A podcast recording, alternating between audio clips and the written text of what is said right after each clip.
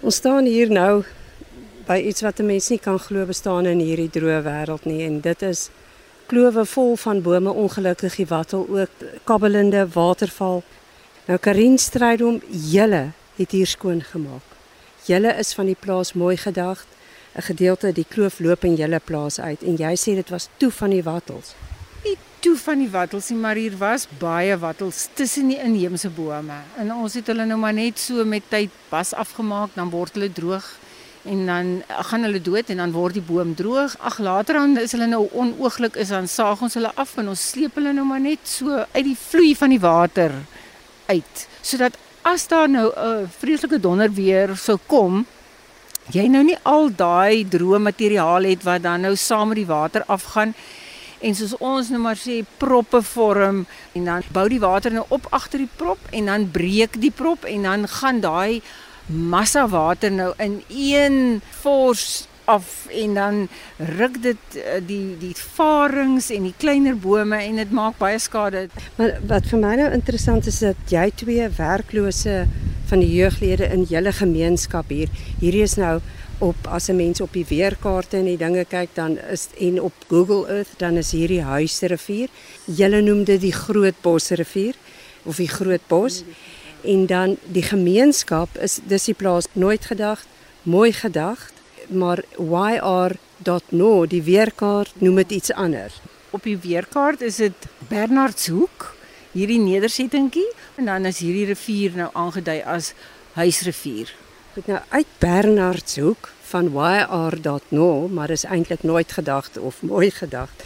Het jy twee werklose jeugdiges gekry om jou te help om die wattels te ringbaas en dit te help verwyder? Ja. Die een man werk vir my broer en ehm um, dis sy seun, Roelen en dan sy neefie Alberto. Hy kom help ons nou altoe en hulle van is boysin. En dan kom ons nou met die kragsaag en dan as ons nou groterige battels het dan saag hulle dit vir my op en dan sleep ons nou die stukke uit en trek klein boontjies uit. Ons hou net die water weg skoon. En dan ons nou die kloof omtrent vir hierdie 1. hoeveel kilometer tot hier by hierdie watergat het ons dit nou baie mooi en dit hou ons nou so. Maar ons het nog niks gedoen aan die kloof van hier af boontoe nie en dit is verskriklik baie wattels wat nog daar staan. Maar ja, arbeid is dis 'n duur ding om te bekostig. Karin, sien jy nou net hier 'n wattelboompie uitgetrek. Jy sê wattelboompie is soos 'n golfbal. Dis ongelooflik hoe die klein boontjies jy hulle miskyk. Hulle het 'n manier om weg te kruip en jy weet half te verbloem in die natuur tussen die ander goedjies. So ja, jy's partymal geskok wanneer jy sien hier staan 'n eislike groot boontjie. Kyk net daar. Hy's so groot mens kyk hom mis. En ons is net hier op en ons is nou alweer almal ja. hier terug. As jy nie die bas diep genoeg afmaak nie, dan oorleef daai boom letterlik. Hy het partykeer so so vierootjie stukkie bas wat oorbly. Dan kom jy weer daar dan sien jy genigtig kyk hoe die boom homself geherstel en hy staan en hy leef nog.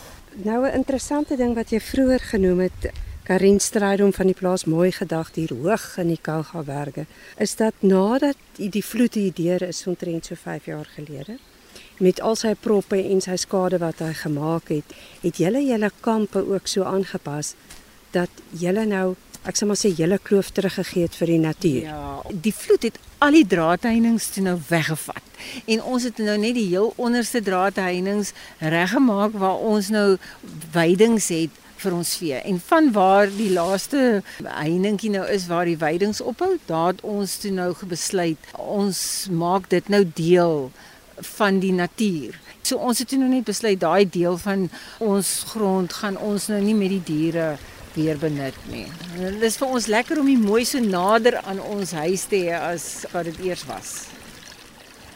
Karin, daar's baie mense wat sê dis juist die wattels in ons opvangsgebiede wat so dors is dat daar nie water in die riviere en dan in die opgaardamme beland nie. Nou toe julle hier die wattels uitgehaal het. Want dit is so ongelooflik om langs hierdie kabbelende stroompie te loop. Ehm um, het die water beter begin loop. Definitief. Dit maak dat die water permanent dieselfde bly. En dit die water word nooit swakker nie. Dit word nie droogte tye Maak nie saak nie. Okay, as daar nou 'n storm is of 'n donderstorm dan loop hy bietjie sterker, maar net vir 'n dag dan is hy weer terug na normaal en hy bly dieselfde. Ons is nou uit die kloof uit. Dit is baie warm hier in die Kougaberge. Ons is nou hier weer tussen skape. Maar as ek teen die berg kyk of teen die helling hier, dan lyk dit asof jy besig is om die berg Poenskop te pluk. Met watter projek is jy daar besig? In die vallei wat nou deurhardloop, want jy 'n noordfront en jy het 'n suidelike front. So daai is nou die noordelike front en hulle is nou maar alombekend is jou soeter grasse en jou bossietjies wat eetbaar is en die spekbome en daai goeie het nou hierdie kant gegroei. En dis die goedjies wat die die vee nou maar op floreer. En ja, ek dink dit is nou maar oor die jare bietjie geoorbenut en dan het sekere plante, dis nie indringers nie, dit is hulle kom natuurlik hier voor, maar hulle het nou net die ander goed heeltemal begin verdring. En dan maak hulle uh, heeltemal toe bo en dan kom die son op die grond nie, so die grasies groei nie en later is dit kaal onder op die grond. Die hierdie noordelike front, moet jy wat ek nog maar geleer het uit ons tyd in die Karoo, jy brand om glad nie, glad nie, want hy is te sensitief amper.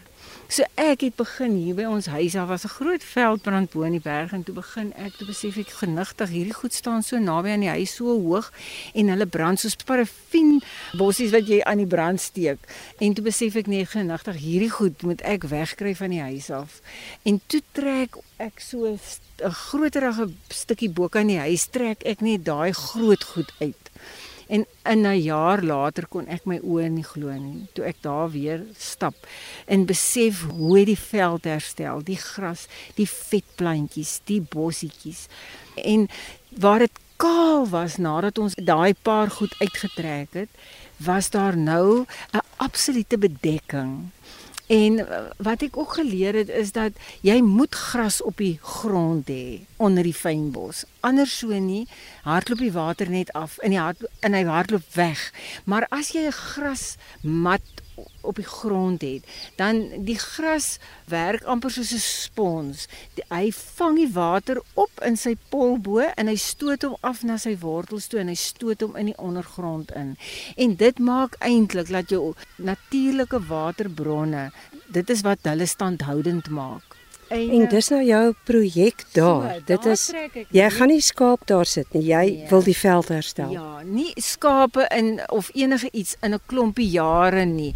Alhoewel ek moet sê my man het hier so so 20 en goenie beeste gehad en in die winter het hy hulle afgehaal van die weidings af en sit hy hulle 'n bietjie op die veld, maar net vir amper so 6 weke na 8 weke toe. En ek het toe begin om saad te oes, grassaad te oes. Dan gaan ek op teen die berg en dan sekere plekke en ook waar hulle slaap, het ek daai saad net gestrooi. En ek het gesien hoe hierdie ngoni beeste ehm um, hulle is 'n ligte raambees en hy stap ons nou hoog en hy klim oral uit en dan trap hulle daai grondkors wat amper hard geword het nou al. Hulle trap hom los net liggies los en dan kom die grassaadjies kan weer ingaan en dan ontkiem die saadjies. En ek het begin sien oral waar soos wat hulle loop begin die rooi gras en die grasse weer terugkom. So toe begin ek sien maar ons werk nou soos 'n span saam Jy kan nou mooi sien daai groen lyn wat so kom. Ja. Eh, tot daar het ek gedoen en jy kan sien na kom alweer van daai goeters daar selfde wat die goeters dis nou die gonna of die gooi daai spesifiek is aan daai kant wat jy sien wat so donkergroen is is wat hulle noem 'n sandolyf.